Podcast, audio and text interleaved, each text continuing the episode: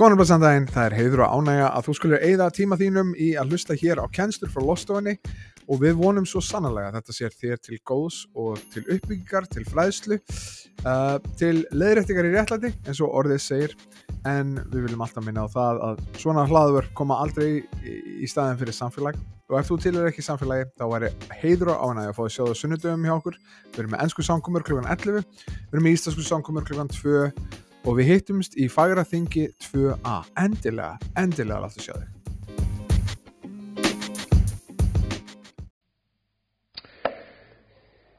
Herru, kannski við byggjum árum við hoppum inn í orðið.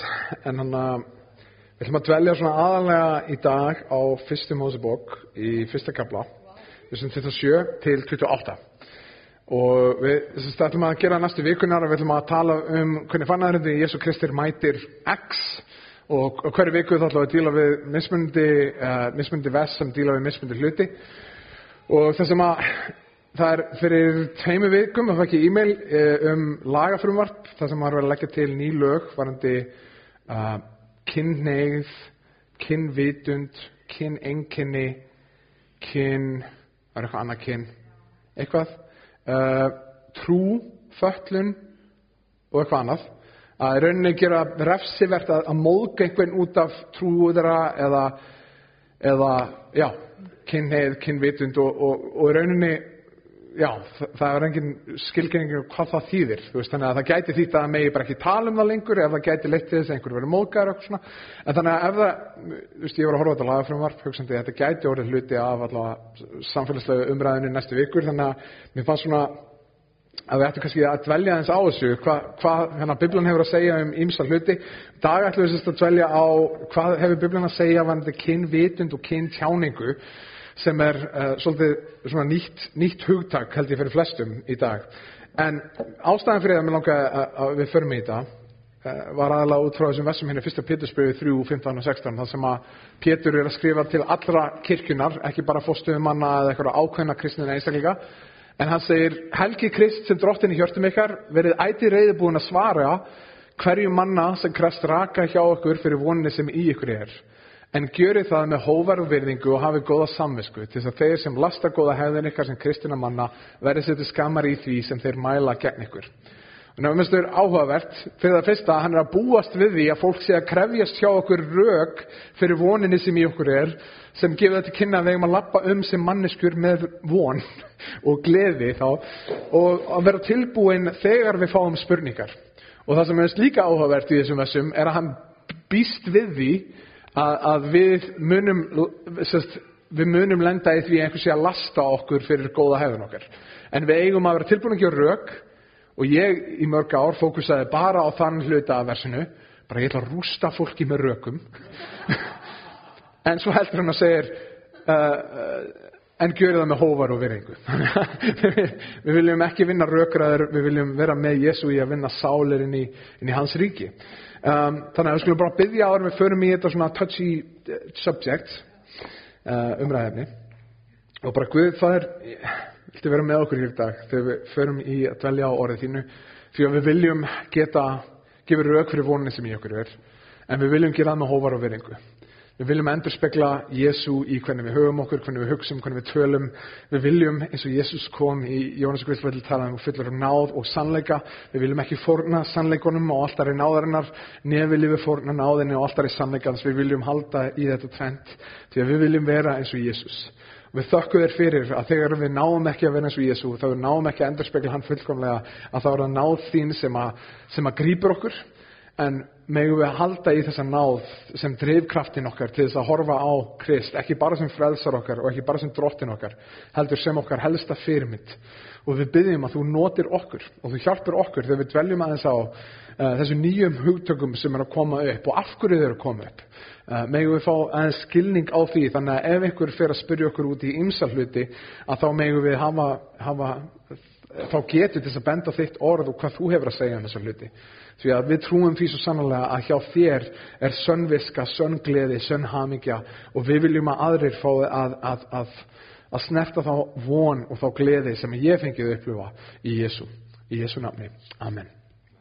Herru, þannig að við viljum vera Guði trú, við viljum heidra hann sem drottin í hjörtum okkar og hann hefur kallað okkur ekki til þess að vinna rifrildi, til þess að vera með honum í að ná til sálna og ég veit ekki með ykkur en, en ég hef einhvern veginn séð það í gennum söguna oft að fólk nær svona kristin einstaklingar það liggur við að það sé að fá fólk yfir að sitt band með því að fylla það skömm og svona og reyna að rústa því með rök, rökræðum þú veist.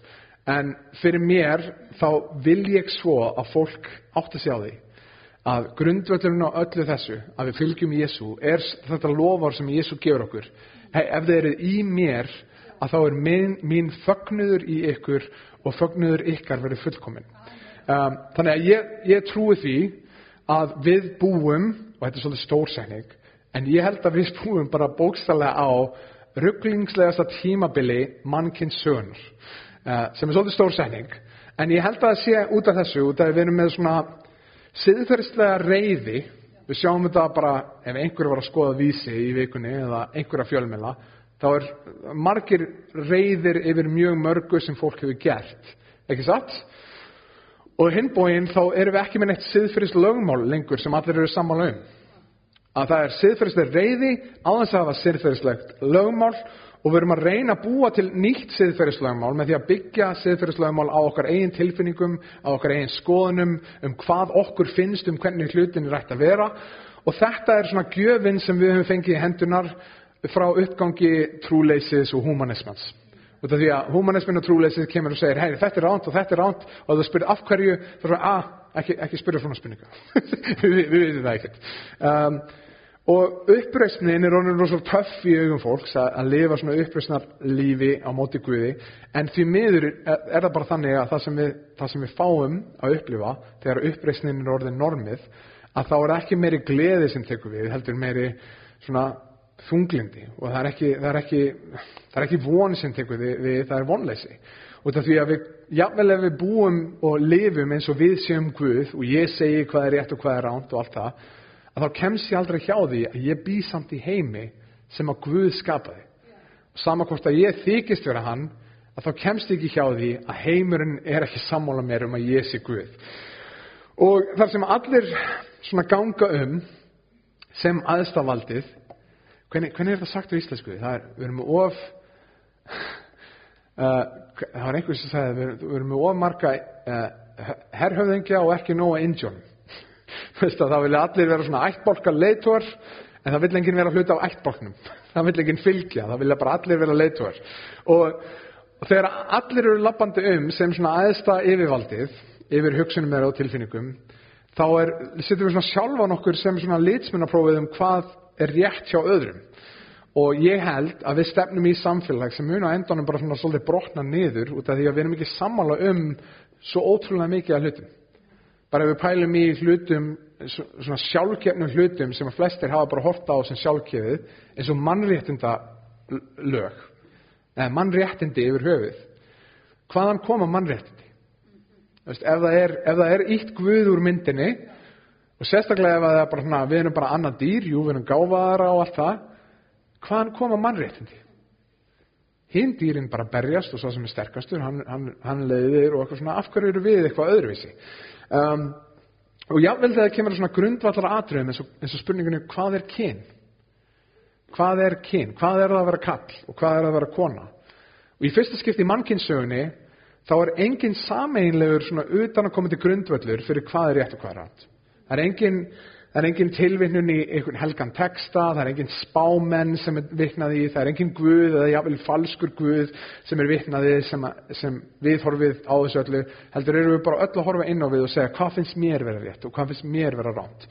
Og þá búum við í samfélagi sem á eftir að molna út af því allt í einu fattar við að það er engin tilgangu fyrir lögum lengur. Og svo því að mér fannst þetta allt í lagi og hver er þú að segja mér að ég með ekki lifa sem minni einn guð nú og í dag þá, þá langum við tökum þetta fyrir. Að, hvernig fagnaðarindum Jésu mætir kynvindut og kyntjáningu en áðurum fyrir mig hennar texta leðum mér bara að leggja grunninn smá að hvert við erum komin. Og því að á senastu 10-20 árum ef ég hefði predikað þetta fyrir 20 árum í fyrsta lagi myndi enginn vita hvað kynvitund eða kyntjáning væri jafnvel, ef þetta væri fyrir 20 árum. Allir væri bara hana hvaða orðir þessi predikar er búið til? eiginlega þannig að við erum komin það langt bara á 20 ára tímabili. Og og hann að við erum komið það langt að fyrir 20 árum þá hefði þetta einfallega bara verið mjög skrítin predikum. Og það hefði fólk hefði bara hort á það sem sjálfgefin hlut að það væri kall og það væri kona. Og, og sá raunveruleiki væri algjörlega undir litningum þínum og kinnfærum komið. Og svo spólum við áfram til dagsins í dag og við höfum fólk sem heldur ekki bara fram í að það sé ekki lengur raunin heldur fann ég til dæmis einn lista það sem á að tala upp að minnst okkur 72 mismunandi kyn sem, ég, veist, það er ekkit ég hef ekki heilt mikið talað um þetta enn á Íslandi. Í, í dag er á Íslandi eða hann og hún og núna hán. En svo fann ég einhvern lista það sem er svona bara 72 mismunandi kyn. Er það búið að hægt ykkur 76 á einu ári?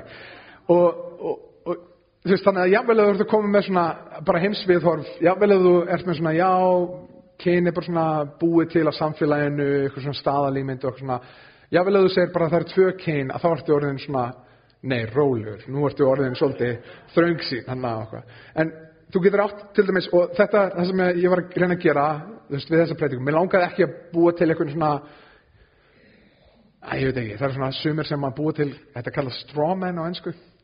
Það er svona búa til eins og hérna séu rökinn fyrir einhvern strákall og svo, ber, svo berstu við strákallin, segju hvað er úrstofanum. en á meðan þetta er ekkit rökinn, þannig að ég var að hlusta fullt af fyrirlestrum og annað frá fólki sem er mjög ósamála mér um þessa hluti. Og eitt af því sem var mjög svo ótrúlegt er að ég var auðbúinn að hlusta eitt fyrirlestur, sem er feministi, og, og hún var að tala á móti eh, kynja staðal ímyndum og hún var rosalega reyði við því að sagt, fólk horfi á bleik, bleik leikföng væri fyrir stelpur Barbie væri fyrir stelpur svo er svona blá leikföng og bílar og eitthvað svona það væri fyrir stráka og þetta er bara svona staðalýmynd sem við þurfum að algjörlega bara að taka niður þetta á að vera svona, það er alveg strákur sem á leik sem er Barbie og, og, og, og vera með naglalakk og, og vera með bleiktót og svo stelpur sem megi alveg verið með bláttót og, annað þess. Og ég er svona, ok, ok, það er svona pæla í þessu. Svo hlusta ég á annan fyrirlæstur, það sem var með trans, ég veit ekki og hvað ekki, hann hann er kall sem enginnisins kona og þegar hann var spurður að því, hvernig vissur þið að þú verið kona? Og þá sagði hann, já því ég var lítill og þá elskaði ég að leika með bleika hluti. Og ég var rosalega mikið í Barbie og naglalakka mig og svona Ákveðar það sem feministin var búin að rífast á móti í klukkutíma hlustaði svo fyrirlistur sem sagði þess vegna vissi ég að ég var að kona og það ég leið með með Barbie. Og, og hann að, já, og til að bæta meira rugglið þá kom, kom náttúrulega annar aðeins sem bara, já, herði, við erum með miklu fleiri en tvö kem. Og þegar ég er að undirbúa mig fyrir þessa ræðu með þannast, þá var eitt viðtal til þess það sem ég tók eftir. Ein manneska spurði bara beint út, hvað er kona? Og það var eitthvað svona non-binary uh, uh, strákur sem var að svara þessu og hann sagði ég get ekki skilgjönd hvað kona er út af því að það er upp að sérkverjum og einum komið hvað kona er fyrir þeim og þá var ég meitt bara að koma með heila bombi byrju, byrju, af hverju af hverju eru við þá að enginn okkur sem eitthvað? Eða er ekki eins og skilgjönding á því hvað kona er en samt að enginn eru sem kona og hann veist ekki nákvæmlega hvað og, og þetta var svona ítt undir fyrir mér bara ok, því ég var búin að hlusta á þessu fyrirlestra bara ég held að við búum á rugglingslegasta tíma mannkynnssögunar því að enginn er sammála um hver segir hvað er rétt og hvað er ránt, hver segir hvað er satt og ósatt. Og þetta er bara svona held ég göfin sem við hefum fengið upp í gjafinar þegar að trúleysi svona hefur fengið að vaksa og ég hlusta, hlusta mikið að þessu fyrirlesturum og enn og eftir, mér langar ekki að þessi predikun verði eitthvað til þess að gera lítið úr þeim sem er að gangi gennum þessa hluti, alls ekki. Þetta er bara þess að undirstryka mér að auðvitaðum komandi aðala að koma inn í samræður og hlusta á rökin og, og, og það sem var einu sinni bara sjálfgefið eins og kall og kona er allt í hennu orðið óskilgreinanlegt í dag. Þekk mér til að hugsa um þessu vess í Rómarabrjónu í fyrsta kabla, það sem að Pál Póstili segir, þeir þekktu Guð en hafa samt ekki vext saman eins og Guð, nýð þakka honum, heldur hafa þeir gerst hékomulegir í hugsunum sínum og þið skinnleis á hjarta þeirra hefur hjúpast myrkri. Þeir þóttist vera vitrir en urðu heimskingjar. Þeir skiptu á vegsemd hins ódöðlega guðs og myndum sem líktir döðlegum manni, fugglum, ferfællingum og skriðkvíkindum. Og, og, en á aftur, þetta er mjög sterk orð, en á eftir, þegar ég stend eftir alla þessa fyrirlestra, þá er ég bara svona, ok, ég held að við getum bara verið öll í sama floknum, við erum komin í bara svolítið svona heimskulega umræðu. Það sem við getum ekki skilgrind, bara svona basic hluti og ég eftir einn fyrirlesturinn hann að það sem aðlið sagði, veist, Það var aðeins sem sagði hugmyndir hafa afleðingar. En það sagði slæmar hugmyndir hafa fórnulöp. Og ávöxturinn þess að reyna að starfa í heimsmynd þar sem við svona ítum guði út úr jöfnunni það sem minnst þú áhuga, áhugavert við þetta. Og þegar við höldum að þá takk ég hamingan við. Loksins fæ ég að gera það sem ég vil. En, en, það sem við mér finnst við sjá meira og meira er að það er ekki ánægja sem tekur við, það er káos sem tekur við. Og það er ekki og það er ekki okkar eigin leið sem er ávöxturinn eh, sem er, er ávöxturinn að visku heldur, heldur verður það svona bara að heimsku þegar við getum, enginn getur talað við hvort annað og verið sammála um hvað hlutir mér þess að meina og ef við höldum áfram að fara þessa leið þá verður endanlega laun lífsokkar ekki tilvera sem er fulla gleði heldur örvæntingu og á meðan að þá var ég svo mikið að hugsa um orð Jésu í Jónas og Guðspjalli, í 5. kapla, í 11. versi við erum búin að tala um þetta í ykkur þrjár vikur hérna áður, að dvelja í honum og hann segir að ávöxturinn á því að dvelja í honum er þetta þetta hef ég talað til ykkar til þess að fögnuður minn sé í ykkur og fögnuður ykkar sé fullkomin og þegar við tölum um þessi efni hvernig fagnaðarindu um Jésu tengist eða mætir uh, kynneið og kynvitund þá gæti það orðið persónlegt um, það gæti verið að þú hafi lengt í því að vera ráðveldur í þessum málum. Það gæti verið að fólk sem þú elskar hafi lengt í þessu. Og, og núna sérstaklega þegar þetta frá yngri, yngri tímabill þú veist til dæmis bara ef, ef þú spyr sjöra krakka bara hei, hvaða kyn ertu? Af þessum lista af 76 kynum skilur þú, hvaða kyn ertu? Ef þú myndir spyrja þú stóttu mína sem er sjöra, sexara sexara, sjöra, hún sexara ef þú myndir spyrja hana þú veist, hún var að reyna að fá sér nammi í morgumat í dag, skilur við, hún, hún veit ekkert hvað hún á að gera með hann lista, bara ég held að í þessu stelpa, ertu viss? Nei, ég er bara aldrei pælt í því, eitthvað svona, að þið getur skapa rosalega mikla ringulreiði í hennar, í hennar lífi og fyrir og fyrir þér kannski er þetta nútíma viðhork akkvært skilgjörninguna á kyni, ekki bara vandamál, heldur kannski er þetta eitthvað persóna. Ég persónulega þakki fólk sem er, er í þessum, í þessum, á þessum stað En Jésús býður alla sína gleði og fögnuð til þess að fögnuður okkar veri fullkomin. Þannig að þegar Biblann talar um sannleik sem að gengur á móti tilfinningum okkar eða skilgreiningum okkar, að, að þá verðum við að muna, sérstaklega þegar kemur svona touchy hana, um, um, hana umræðefnum, að Guð ekki að reyna að hefta gleði okkar að þögnuð, heldur er það alltaf þetta sem er hugmyndin á því að fylgja Jésu á endanum þá viljum við hafa hann þögnuð sem er í okkur og þar finnum við að okkar þögnuður sé fullkominn.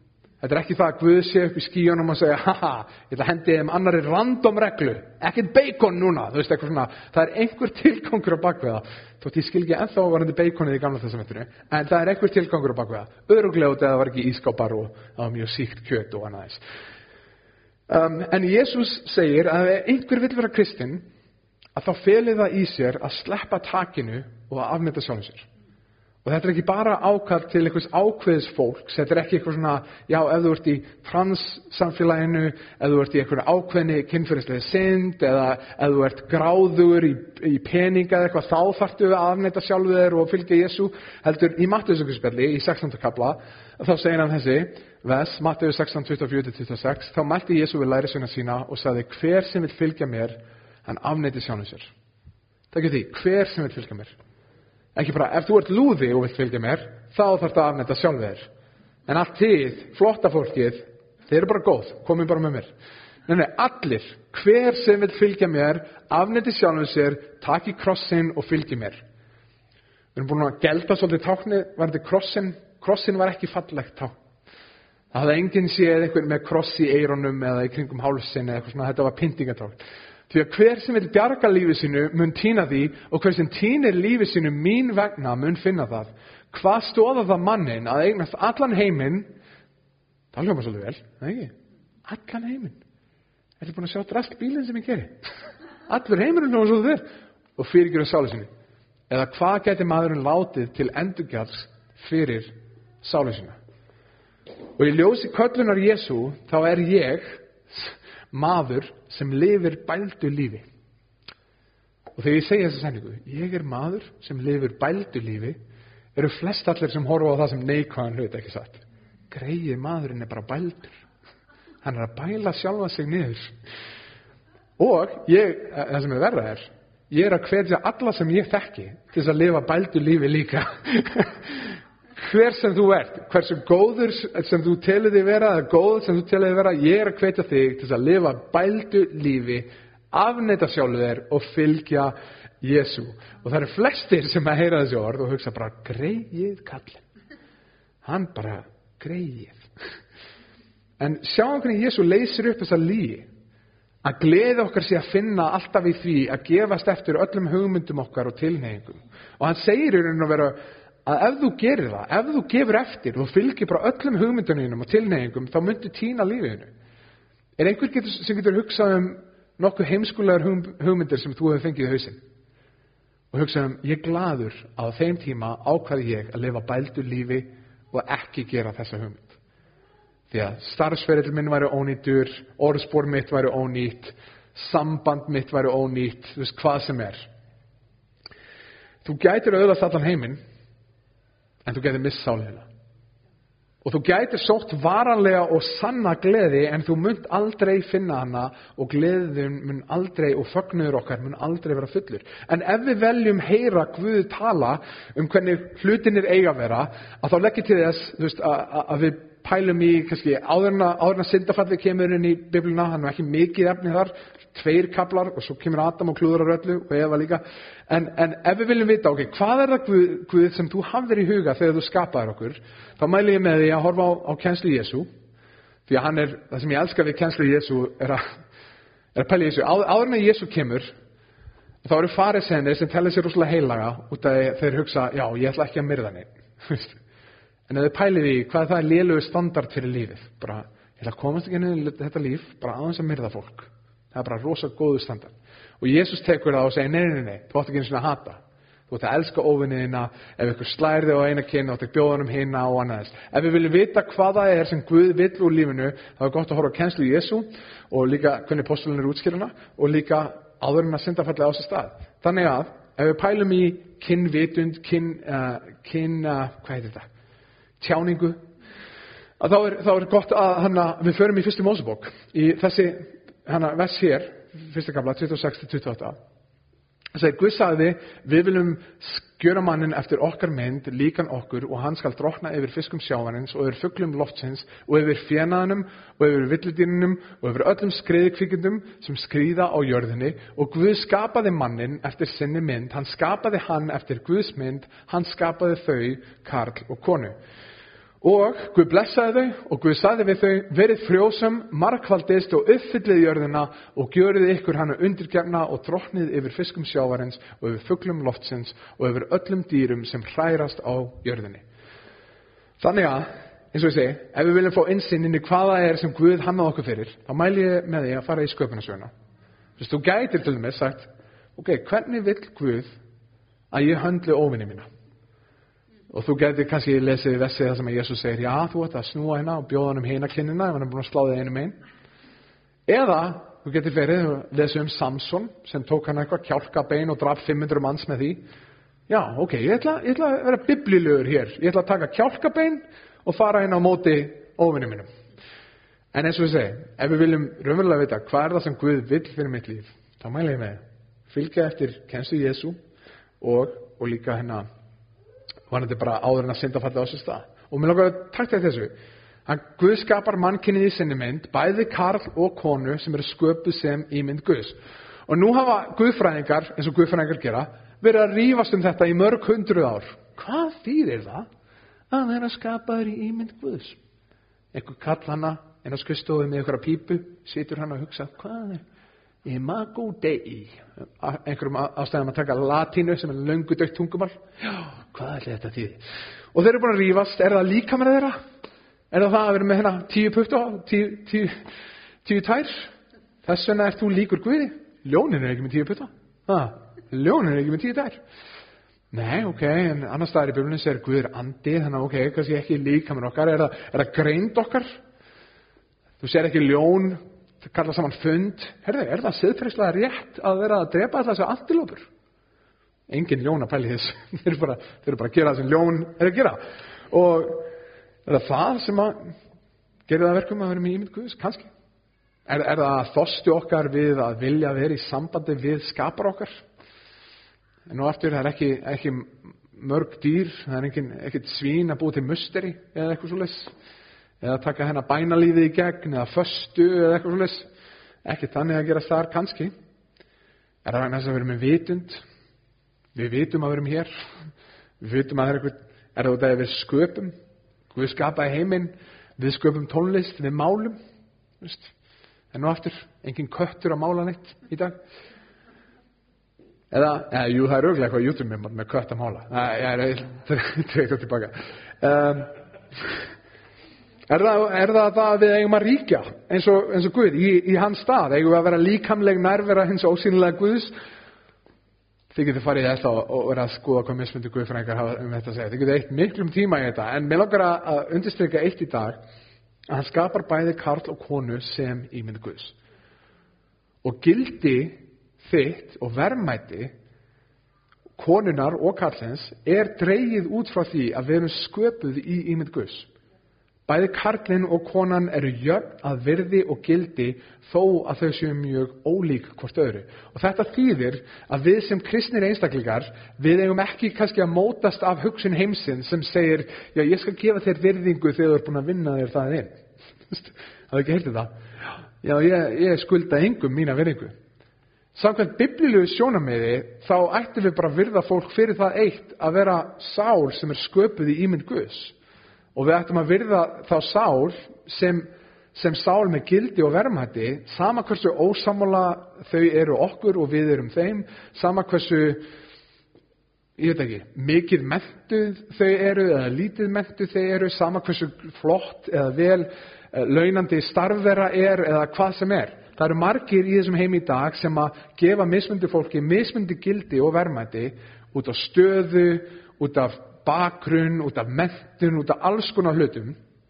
Við sem kristnir einstaklingar eigum alltaf að vera að minna okkur á að það sem gefa okkur á endunum gildi sem er órjúmanlegt, sem engin maður og ekkert stjórnvald getur gefið okkur eða tekið frá okkur, er Guð. Og þaðan, þú veist, ef við pælum í þessari hugmynd, okkur, hvaðan koma mannréttindi? Það kemur frá kristna sjónamöðinu um að hver og einn einstaklingur hafi virði og gildi sem ekkert ríkisvald getur gefið eða tekið. Það er ekki ríkisvald sem gefur mann réttindi, það er Guð sem gefur mann réttindi. Og þetta er hugmyndin um það. En það sem við höfum búin að gera er að við höfum búin að íta Guð um myndinni og við höfum samt að halda í mann réttindi og að þú spyrir af hverju, sus, ekkert vera að spyrja átt þessu spurninga. Við erum með mannréttindi af hverju, en öll dýrin eru bara að haga sér eins og dýr. Já, bara, skulum ekki vera að pæli þessu. Við erum bara með mannréttindi, bara að því bara Vist? munið þið hvað við þóldið þetta svar ekki þegar ég var yngri? Af hverju? bara, bara er ekkert svar þess vegna til dæmis þú veist, ef þú ferð að lesta áfram í fyrsta mósebók og þú verið í nýjöndakabla þegar að Guð er að díla við morð og af hverju hann horfir svo stórum augum á morð gegn annari manneskju þá lýsar hann því yfir út af manneskjan er gerð í Guðs mynd og þar með með gildi sem engin annar maður á rétt á að taka. Þannig að segja hvers, hver sem útillir mannsblóði hans blóð skal af manni útalt verða því að eftir Guðs mynd gjörði hann mannin Og það er engin opin umræða, enn og aftur, ef við förum, ef við förum aftur í, í fyrsta Mósebók, í fyrsta kabla, Guð segir að hann, hann gerir mannkynnið í sinni mynd og, og allt mannkynnið er, er dreigið saman og það sem er just mjög áhugavert að það er, það er bara tvö kyn, það er kart og það er kona. Það er engin opin umræða, það er ekki, þetta er einföld, bara einföld staðhæfing um staðrindir og, og þú gætir hort svo á, þú veist, ég efast um að ég held að flest allir hér eru kristnir og horfa á biblina sem aðeins það vald og annaðins, en það getur verið fólk sem horfir þannig á að Guð sé bara ógeðslað þröngsi og, og jável að Guð sé bara vondur. Bara af hverju myndi Guð vera svona þröngsin og vondur? En við verðum að muna það veist, að þegar við förum út og þegar við erum að tala um þessa hluti og ef við lendum í að vera spurð þá verðum við að undirstryka alltaf það ég tel mesta fögnuðin vera í Jésu að þegar hann segir að eitthvað sé gott að þá er það líka mér til góðs. Jável þegar það fer á móti mínum tilfinningum og hvað mér finnst. Og munum líka út frá því, við erum að, já, við erum að starfa út frá þessari biblilöru heimsmynd, að Guð er góður. Hann er ekki til staðar til að hefta mína gleði, hann er ekki hann til að, til að bara svona, já, eigðilegja hugmyndir sem, já, ég hef ekki að auka hugmyndir og Guð segir, nei, haha, ég er boss, þú veist eitthvað með tilliti til þess að vera þröngsýn. Að þá er líka þannig að, að sannleikurinn er alltaf þröngsýn. Þú veist, yngvi geti sagt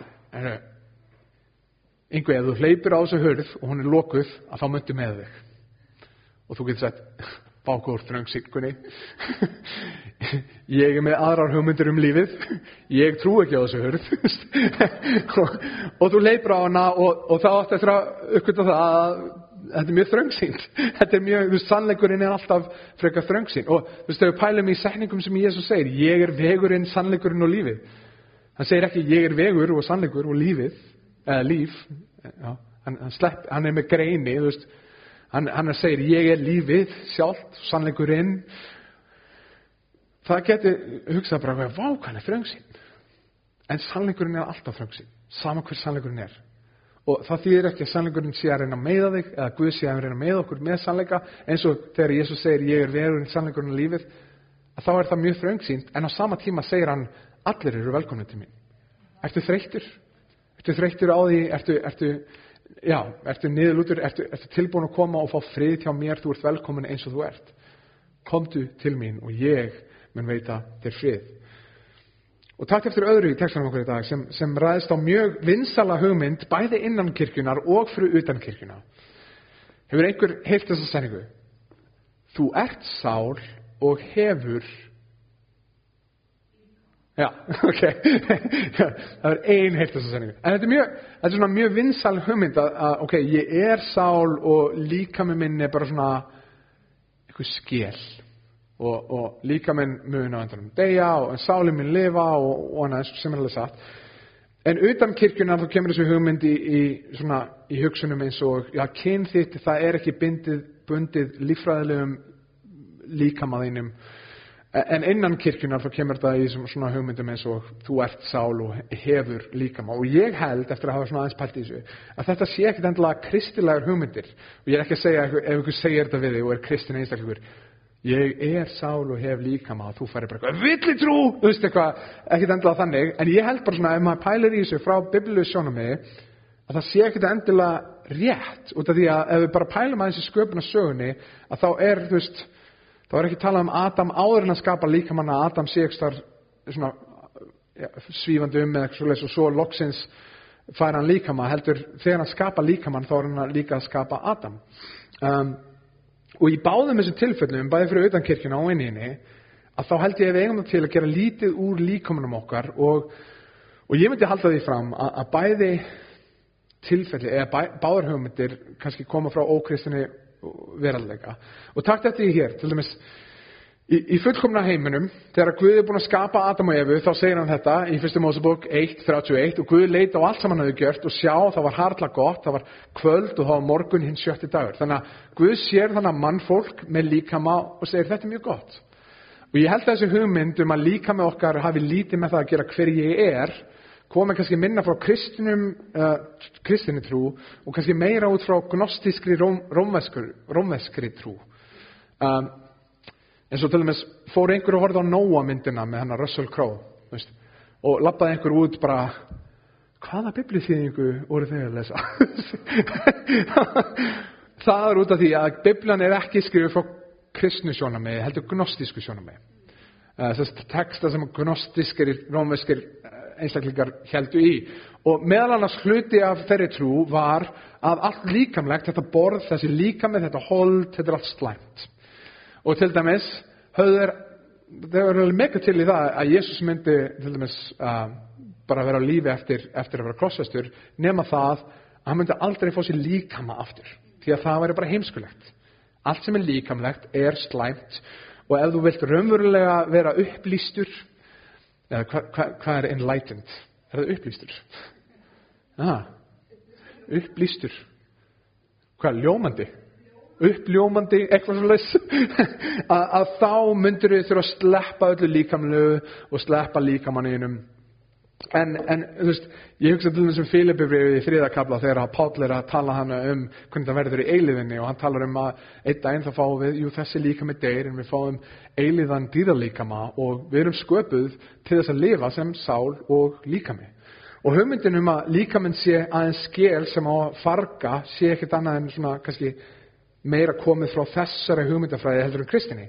Tökum til dæmis senna, þú veist, hversu, hversu hanna, já, háum augum uh, kristin trú horfir á líkamann. Til dæmis ef við pælum bara í Jésu upprisunni.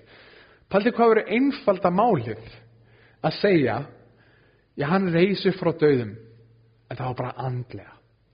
Pældi, það myndi einfalda svo mikið að máli. Það bara, já, já, líki máli vera þannig, rómverðinir mig alveg hafa þetta lík, við þurfum ekkert að sanna neitt, það bara reys upp andi og við getum haldið okkur við það. Gnostíska fólki elskar þetta, það er mjög auðvöld að ná til þeirra með þessa hugmynd og annað þess, af hverju myndur við fara í það vesen að segja Jésús reys upp líkamlega Nú, af því að hann gerði það, að það er, er vesenið. Vistu svo í Lúkasguðspalli í 2004 kapla í versi 39, þá kemur hann bókstallega til Tómasar og segir, lítið á hendi mínar og fætur. Þetta er ég sjálfur, þreyfið á mér og gætið að, ekki hefur andi, hold og bein eins og þið sjáuð að ég hef. Þannig að hluti af líkil kenningu okkar sem kristinæstaklingar er að Jésús reysi frá döðum líkamlega. Veist, Það er mikilvæg að hluta þessu, þetta sé líkamlega. Nú, það er líka alls konar dæmi í ríkningunum sem er ógeðslega áhugavert. Í orðskvöðunum sérstaklega. Ef þú lest ekki um orðskvöðuna, að þá sérðu hvernig það er svona tenging á milli andlegra líðan og líkamlegra líðan. Þú veist, eins og þess, þegar við hertum placebo, eða ekki? Placebo svona í tilraunum, þú veist að sjá hvers, hversu, hversu stert eitthvað liv er þá þarftu að ljúa ákveðnum hópi og segja þetta er lifið á meðan þetta er bara svona salt, saltpilla eða eitthvað slags og er ekki raunverulega lifið út af því að það er hlutahópnum sem fer að lækna sjálfa sig ef það heldur að það hefur tekið lif sem hjálpar því að læknast.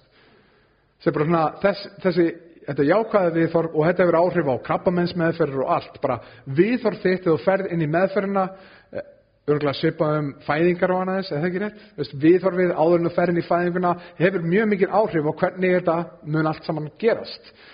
Og við sjáum til dæmis í orðskvönum að það er þessi svipað hugmynd, að þú ert bæði sál og líkamitt. Til dæmis þessu hérna, rósamt hjarta er líf líkamanns. Þannig að allt í hennu byrju, ok, ró í hjartaminu hefur áhrif á hvernig líkaminn er og sama, minnst það svolítið liðlega þýðing, allar ennskar þýðingar tala um þetta sem öfund, En íslenska þýðingin segir ástríða er eitur í beinum. Þannig að enginn skal vera ástríði fullur hér. Uh, Passið ykkur. Og drekki mjólk. Uh, en, en þannig veist, þannig er þessi hugmynd um að þú ert bæði líkam og sál. Og hvernig þið líður andlega mun að hafa áhrif á líkamlega heilsuðina og stundum er það líka líkamlega heilsuðina sem mun að hafa áhrif á andlega líðanin. Og ég elska þetta og það er einn ein tilvinnun hérna í mann sem heitir Robert Jastrow og hann talaði henni um hérna fyrir vísindamannin sem hefur lifað í trúsinni á kraft vísindana endar sagan eins og slæmur draumur. Hann hefur stíið og klifið á fjöll fáfræðinar hann er að fara að sigra hæsta tindin og þegar hann dregur sig yfir síðasta steinin þá tekur hann á móti honum hópur guðfræðinga sem hefur setið þar um aldis Og þannig er enn og aftur, nútíma vísindin enn og aftur að pæla í því og kannski sjá meira og meira núna hvaða hefur raunverulega áhrif á hvernig þið líður andlega hefur áhrif á líkamlega helsu, hvernig líkamlega helsa hefur á andlega, andlega helsu. En ég segi allt þetta til þess að ítinda þetta. Guð hefur skapað okkur líkami og sál. Og líkamiðin er ekki bara þannig fyrir slisni. Hann er ekki ómikilvægur í hlut, hluti af enginu um hver þú ert. Líka með okkar er mikilvægur og fylgir því að segja okkur hver tilgangur Guðs er fyrir okkur. Hver er okkar, er okkar hlutverk í mannkynnu? Við erum sköpuð til að endurspegla takmarkalausan trú, eh, takmarkalausan Guð, en samt í svo ótrúlega takmarkuðum líka maður. Ég er upplegað þetta bara eftir þrítusaldurinn. Ég hef ekki hugmynd ef svona bakverkir væri til uh, bara ef þú sefur of lengi á einni hlið bara hvaða eðlöku dægin og eitthvað. Og ég veit ekki hvernig það verður þegar ég var 60 en, en hann bara Guðs náð þá komst ég í gennum þetta. Ja. og einn daginn einn daginn þá er það dýraleika minn mættur. En þá ekki til, það er bara bæn en við erum sköpuð til þess að endurspegla takmarkalausan Guð en að sömuleiðis í takmarkuðin líka maður og þegar við lifum í þessum ram, ramma við erum takmörkuð Við getum ekki verið allstaðar eins og Guð er. En þar sem við erum, erum við sköpuð til þess að endurspegla hann. Að þar er hamingi okkar. Að lifa innan þeirra marka, til dæmis að læra kvílast. Einhver er með þetta. að læra bara að sleppa hlutunum. Þetta snýst ekki allt um mig. Heimurinn heldur áfram, ö, jörðin heldur áfram að snúast, þótt að ég sé ekki til staðar morgun eða, eða hvað sem er. Eða að reyna að vera ekki allstaðar í einu eða að læra að lifa innan þeirra ímins að marka sem Guð hefur skapað mig með. Þar er raun gleði að finna. Og hvað sjáum við í takmörkun Guðs á líkam okkar þegar það kemur að kynvitund og, og kynenginum hann skapaði okkur sem karl og konu og hann segir, það það er engin aðri valkostir, við fáum ekkert að velja hver við erum, en þess að líkamar okkar segja okkur hver við erum og erum sköpu til að vera. Og, og ég myndi segja, þannig að kannski er það málið að við gefum öðru gildi, kannski eru sumir að strökla við þetta og þeir sjá meira gildi í að vera annað kyn, kannski, ég veit ekki, en hann gerði okkur sem karl og konu, fyrir hvert annað. Og yfir heldina litið, með mismundi áherstur, mismundi styrkleika, mismundi tilneyingar, allt saman endurspeglar þetta Guð á svo ótrúlega fallegan hátt. Og hann skapaði okkur í sinni mynd og spurningin fyrir okkur er það veist, hver er aðstaf valdmitt við vorum að syngja lægið uppgjöf sem er bara geðvikt en erum við raunverulega tilbúin að gefast upp? Erum við tilbúin að segja þú ert mér allt? Þú veist ég, ég heikast um að syngja þessu orð og þegar ég veit bara hvað ég stóð mig ítla í senastu viku. Hér er ég á sunnudegi bara þú ert mér allt og ég bara klúðraði í gær. Ég klúðraði í morgun, skilur. Að lifa ekki eins og Guð. En þess að bænin okkar, er, erum við raunverulega að segja Guð, þú ert mér allt. Og jável ef að þú leiði með eitthvað og ég skil ekki af hverju og ég er með þetta spurningum að þá ert þú mér allt og ég ætla að trúa þig og treysta að þú sér góður að þú sér miskunnsamur og þú grýpur mig þegar ég næ ekki að lifa eftir þeim staðlega sem þú skapaði mig fyrir. Og ég trúi því að þú sér mikill. Og þú viti betur en ég. Og þú skapaði mig. Og þú skapaði mig með ákveðna gleði í huga. Og ég ætla bara að fylgja þér og hann gerði okkur sem karl og konu fyrir hvert annað með mismunandi áherstur og að skapa okkur í sinni mynd með hælandi hlutverk sem karl og kona sem stiða hvert annað. En þú veist, við langar kannski að ráðast að nokkra legar sem eru svolítið vinsalar, við erum búin að fara í nokkra af þessum nú þegar, eins og kyn skiptir ekki máli eða kyn er samfélagsleg uppfinning, það er einn svona vinsal hugmynd sem er í dag.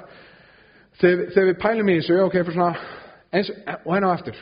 Fyrir 20 árum ef þú hefði sagt að kyn væri samfélagslega uppfinning þá væri bara hleyja þær bara hvað er það að tala um? Kyn, bara nei veist, og mér sagði það bara ef, ef þú grefur upp lík fyrir veist, sem eru 2000 ára gömul og þú skoðar veist, er það engið er það engið á þeim þá serðu hvort þessi kartlega kona og annað það er bókstallega bara í beinunum á okkur hverju við erum.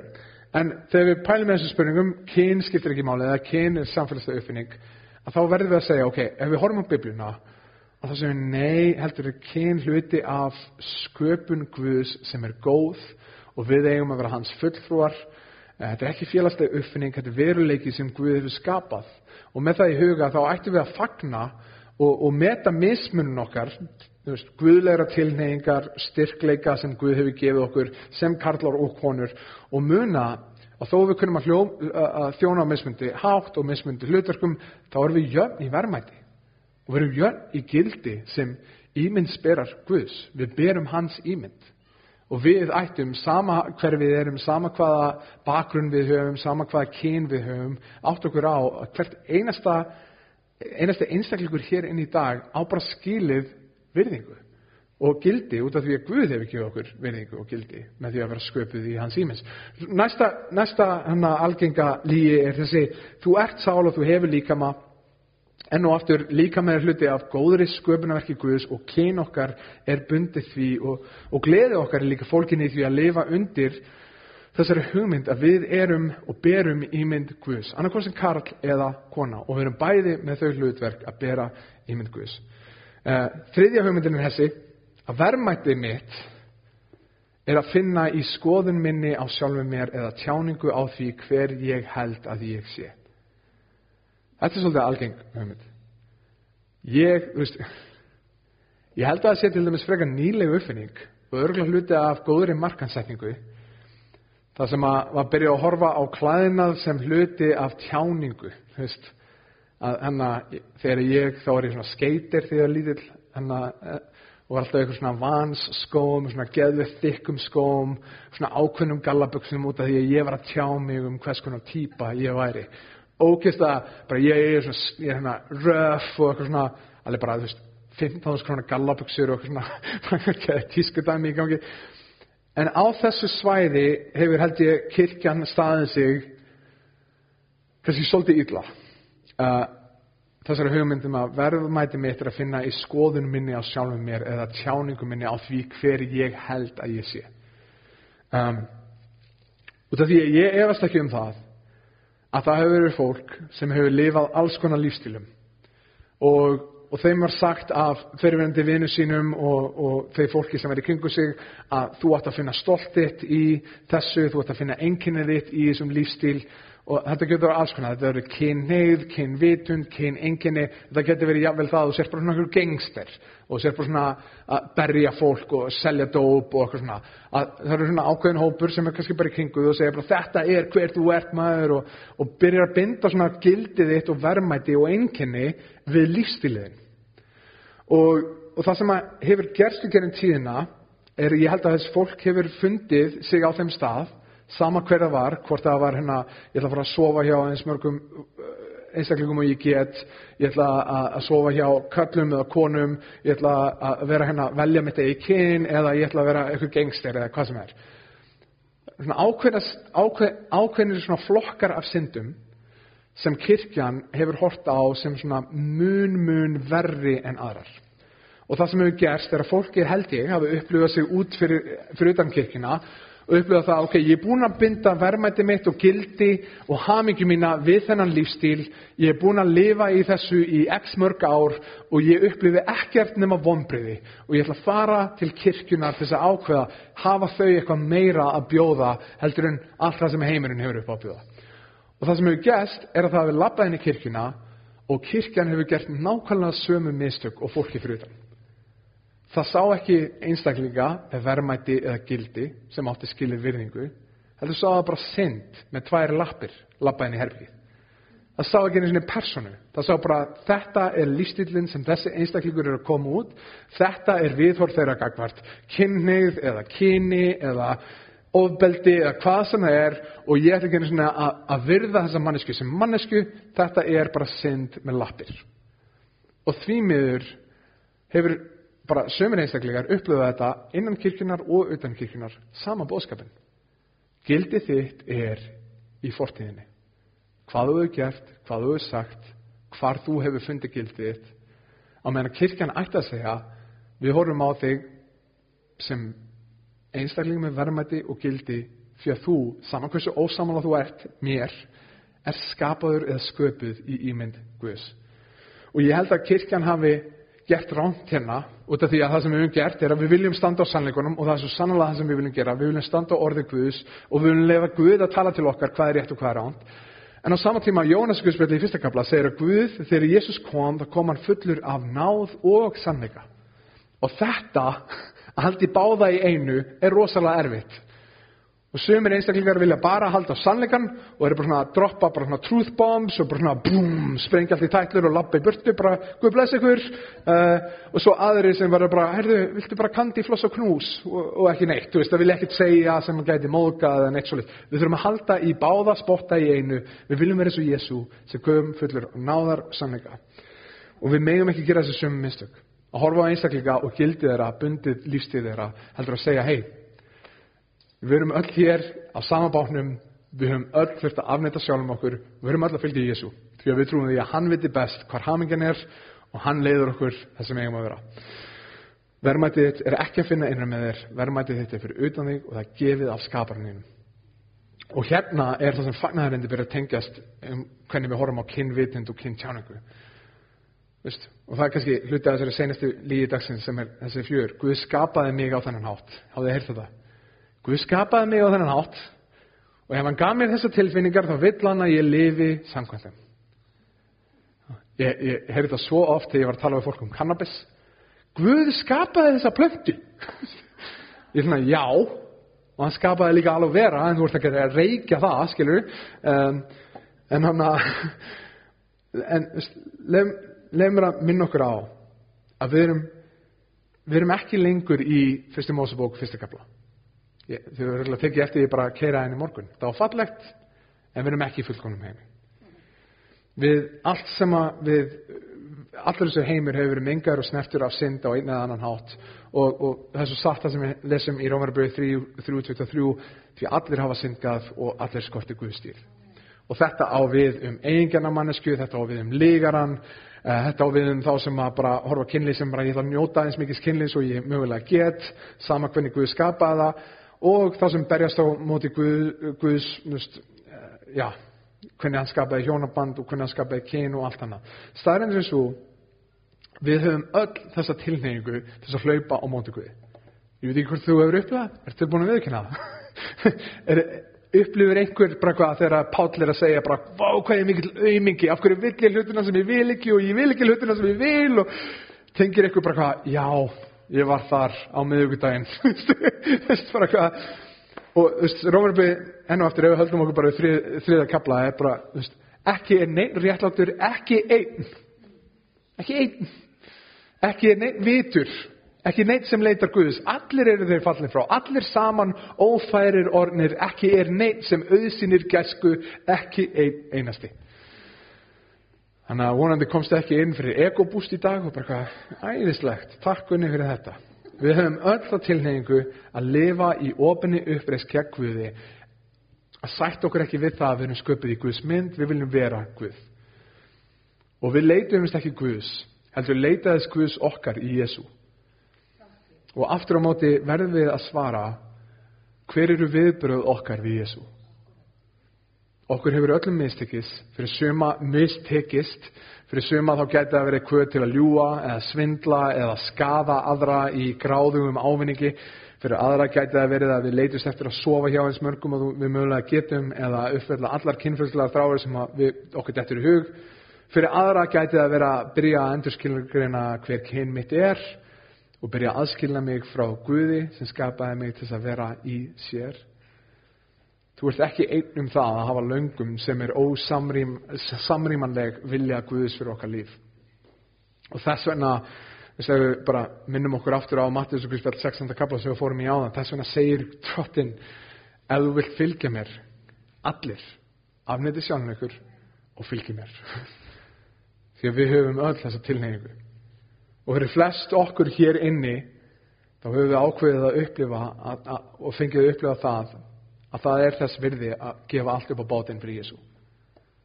Þetta er ótrúlegt, ég fekk að skýra tvo einstaklinga á ennsku samkominu undan frá Íran, sem var kona sem deldi trúsinni, með þeim og bara, ég þurfti að hugsa um það bara, já, ég má ekki segja nafnið hennar út af hún er enni í Íran og ef það kemst upp um hana og hún hefði verið að deila trúsinni í Íran og, og fá fólk til þess að gerast kristið, þá getur hún bara verið afhersið. Nei, hún er, hún er kristin. En, en þau, þau voru að taka trú, já, og voru að skýrast, þau voru muslimar, já. En þú veist, þannig kemur bara, þannig eru einstaklingar sem eru bara bókstæðlega tilbúin, bara, ég er tilbúin að láta skýra mig. Ég spurði, hei, viltu að við sleppum þið að láta netið, bara svona, það, þú veist, bara, nei, ég er komin hér til þess að, vera opinn með það að ég ætla að fylgja Jésu. Vitandi bara, afleggingarna getur verið massívar, en ég ætla að gera þetta. Og þannig er til dæmis bara dæmi um einstaklinga sem að segja bara ég trúi því að öllu hjarta að hvert sem Jésús fer þar vil ég vera. Og hvar sem Jésús er er gleði mín.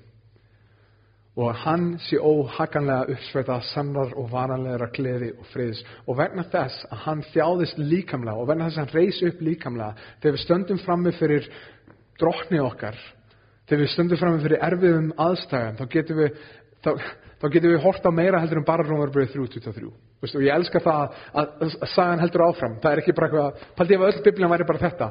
Allir hafa syngað og skorti Guðstýrð punktur, allir heim njótið ykkurnar nei, en sagan heldur áfram. Og þeir réttlætast ánverðskuldunar af náð hans fyrir endurlöfnina sem er í Kristi Jésu Guð setti hann fram að hann með blóðu sínu væri sáttar fór þeim sem trúa að leitast við að lifa án takmarkan okkar sem Guð hefur gefið okkur hljómar eins og gleði og frelsi. En á endunum þá erum við bara að blekja okkur og við erum á leiðinni niður að tortímingu. Og það er aðeins þegar við gefum okkur upp fyrir Guði, þegar við sleppum sjálfum okkur og fylgjum honum þar sem við fáum að upplifa hans frið. Og þetta er þess góðu frettir sem við höldum í. Ertu meðvitaðir hér um syndiðinnar? Er einhver meðvitaðir um syndir sínar? Amen. Jésús hefur greitt sektina Ég elska það sem Kólusubriðið annarkaflið talar um. Hann tók skuldabriðið sem þjakuðast með ákveðum sínum og neldi það á krossin. Það eru góðar fréttir. Guð er góður Guð.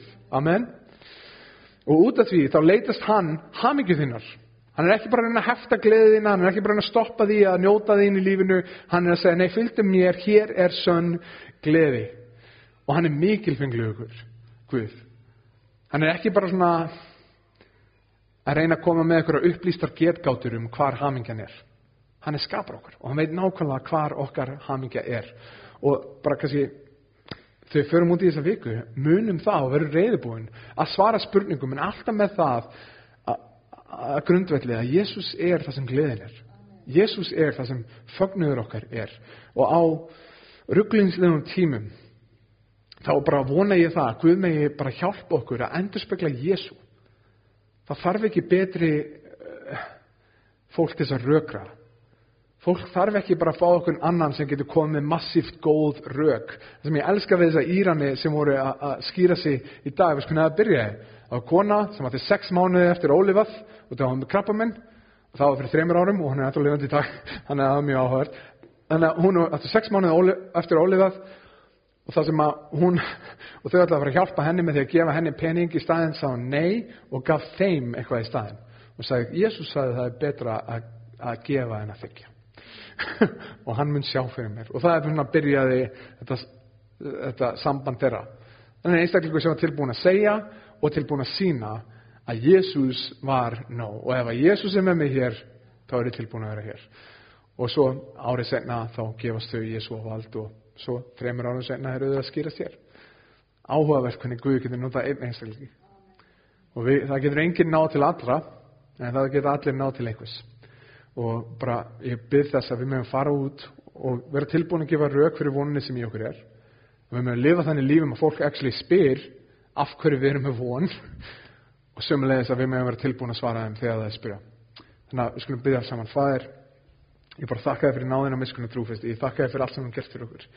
Ég þakka þér fyrir það að í, rugg, bara, í heimi sem er rosalega rugglinslegur að, að þú gefur okkur sannleik sem er varanlegur. Ég byrðum að hjálpa okkur að endurspegla hver þú ert, vitandi það að þú leiður okkur í ástinni og kærleika og þú ert með okkur í öllum stöðum